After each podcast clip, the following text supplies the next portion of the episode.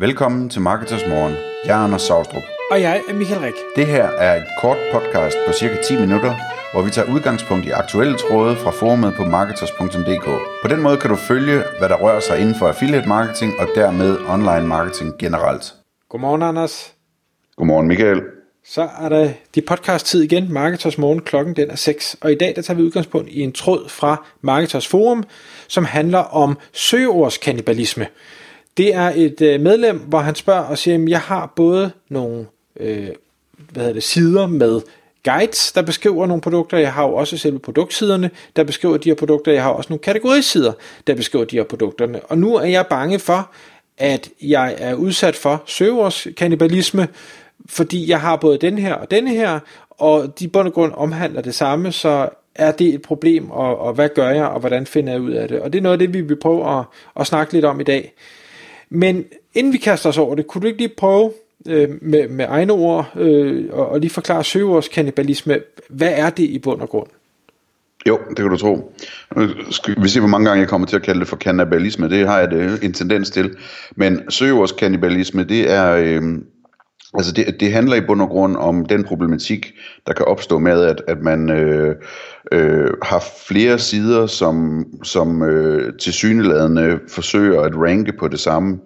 Øhm, så, så man ligesom ligger i konkurrence med sig selv, med sine egne sider omkring, øh, man har et eller andet bestemt søgeord eller en søgesætning, som øh, man gerne vil ranke på, men, men det er ikke rigtig klart øh, for Google, hvad for en af ens undersider, der er det bedste dokument øh, til, til det her. Øhm, og så ligger man ligesom i konkurrence med sig selv, sådan, og det er nok der, øh, det her med kannibalismen kommer fra, at man spiser, man spiser af sin egen, eller så at sige, eller hvad man skal sige. Øhm, men, men, øh, men, men det, det kan være udfordringen. Altså man simpelthen, måske har man, altså mange kender den ting, at, at man øh, ranker godt med sin forside på et eller andet vigtigt søgeord for, for virksomheden eller sitet, øh, men man faktisk også har en underside, hvor den ultimative guide til det område, det ligger. Øh, men det kan også være en situation som, som her i tråden, hvor, øh, hvor vedkommende har to undersider, der, der, der begge to øh, ligesom er bygget til at ranke på det samme. Den ene er så øh, en efter min mening sådan meget tynd, tynd side, hvor, hvor der bare er en, en lang liste med, øh, med produktbilleder og meget få informationer og, og affiliate links, og så selvfølgelig lidt artikel nedenunder. Øhm, Øh, så, så det svarer sådan lidt til en kategoriside, men den er desværre meget tynd i det her tilfælde. Der er ikke nogen filtre eller noget, som man sådan ligesom kan, kan søge sig lidt frem til, hvad for nogle af produkterne, der er relevante for, for en. Øh, så så det, øh, det tager jeg op i tråden selvfølgelig. Øh, og så har han så også et øh, en ultimativ guide, så at sige, en, en anden øh, artikel, hvor, hvor det samme emne bliver behandlet øh, meget, meget grundigt. Øh, og han er bekymret for, om om øh, der sker den her kannibalisme imellem de to øh, sider, og, og hvad skal man egentlig gøre øh, for, for at få det hele til at virke. Og det kommer der en interessant øh, snak ud af, blandt andet hvor vi taler om ultimative ressourcer i forhold til indholdsklynger og intern linkbuilding osv. Det kan vi prøve at komme ind på her. Øh, Michael, det, du, du, da vi talte om det her, inden vi gik i gang, der, der talte du om det her med ultimative øh, ressourcer i forhold til, altså øh, i, ja, VS, hvad hedder det, øh, i, i, i forhold til indholdsklynger. Mm. Øhm, og det vil jeg gerne lige spørge dig lidt om, fordi jeg ser det egentlig ikke som en, en øh, modsætning. Øhm, så hvad, hvad er din tanke der? Jamen, jeg ved heller ikke, om jeg nødvendigvis ser det som en modsætning, men strukturmæssigt øh, ser jeg det som to vidt forskellige ting, hvor jeg ser en ultimativ ressource øh, som noget, der findes på en specifik URL, men som er kæmpe, kæmpe lang. Og det kan være med, med al mulig intern navigation på siden, så man kan hoppe frem og tilbage, så det, det bliver brugervenligt, men, men det findes på en URL. Og det har jo været meget øh, populært over de sidste øh, del år. Øh, jeg tror ikke, det er på ingen måde Brian Dean, der har fundet på det, men han har i hvert fald været rigtig god til at lave det. Altså simpelthen sige, nu vil jeg ligge nummer et for et eller andet populært søgeterm, så nu øh, ser jeg, hvad, hvad ligger nummer 1, 2 og 3 lige nu? Hvad, hvad har de præsteret? De har måske øh, 3.000 ord og, og et øh, billede eller en graf.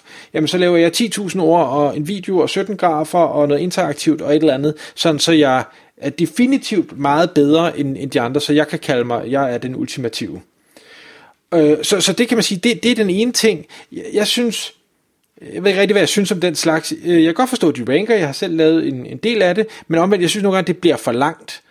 Øh, hvor den anden version, det er at sige, jamen i stedet for at du besvarer alle spørgsmål et sted, jamen så laver du de her indholdsklynger, altså hvor du måske besvarer øh, et spørgsmål eller øh, små områder, på hver sin artikel, og så selvfølgelig binder dem sammen med interne links og, og hvad hedder det, sådan en, en, ikke en kategoristruktur, jeg ved ikke, hvad, hvad man kalder det, en indholdsstruktur, så man kan klikke sig rundt og, og finde det, man, øh, man synes, der er relevant, øh, men hvor det så er fordelt ud på forskellige urler, og dermed så heller ikke er så omfattende og så uoverskuelig, som en ultimativ ressource kan være.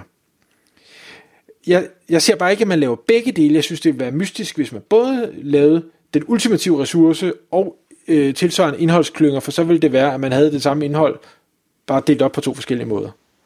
Ja, øhm, og, og, og der hvor jeg ser det lidt anderledes, det er, at, at øh, det er måske også i, i forhold til definitionen af en ultimativ ressource, øh, men så, så lad, lad os kalde det sådan her, at, at hvis jeg skulle ranke på noget, der var rigtig svært at ranke på, øh, så vil jeg forsøge mig på den her måde. Så vil jeg lave en næsten ultimativ ressource, det vil sige en, en stor ressource og en ressource, der svarer på alle spørgsmål til dem, der overgår at læse det, det hele igennem, øh, med alle de her underafsnit øh, og underoverskrifter, der, der svarer på de forskellige underelementer omkring det her vigtige søgeord, jeg i virkeligheden gerne vil ranke på.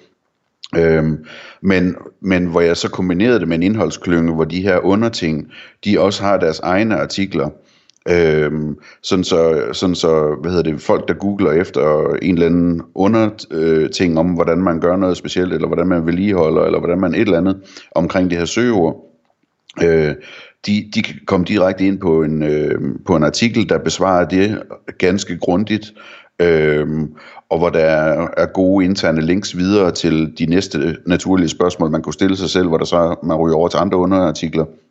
Og selvfølgelig øh, altid link til, øh, til øh, den næsten ultimative ressource. Øhm, og det, altså, grunden til, at jeg godt kan lide det, det, det jeg kan godt lide, at man har et perfekt dokument til, til de spørgsmål, der bliver stillet meget på Google. Ikke? Altså, at man har en perfekt artikel, til, der lige præcis besvarer det her spørgsmål. Øhm, og, øh, og så er der det hele det her med den interne linkbuilding, som jeg synes er øh, fantastisk øh, vigtig og øh, fantastisk overset. De fleste, de, de gør det næsten ikke. Øh, der er også mange, der tror, de gør det, men faktisk ikke gør det særlig meget. Øh, og så den interne linkbuilding, det er reelt set bare menustrukturen. Øh, der, der er så meget at vinde på at lave effektiv intern linkbuilding, og det tvinger man sig selv til at gøre meget struktureret, hvis man laver sådan en klynge her i forbindelse med sin ressource. Mm. Men, men jeg tror, lad os bare være, være uenige om, hvad, hvad, hvad ultimativ er, eller hvornår det er. Øh, hvis man tager den her tilgang, øh, så er man i hvert fald øh, potentielt i risiko for at lave noget, noget søgeårskannibalisme, fordi man så har noget, der står øh, flere forskellige steder. Men hvordan er det så, man kan finde frem til, om det overhovedet er et issue? Fordi en ting er, at man tænker, uha, sker det her for mig?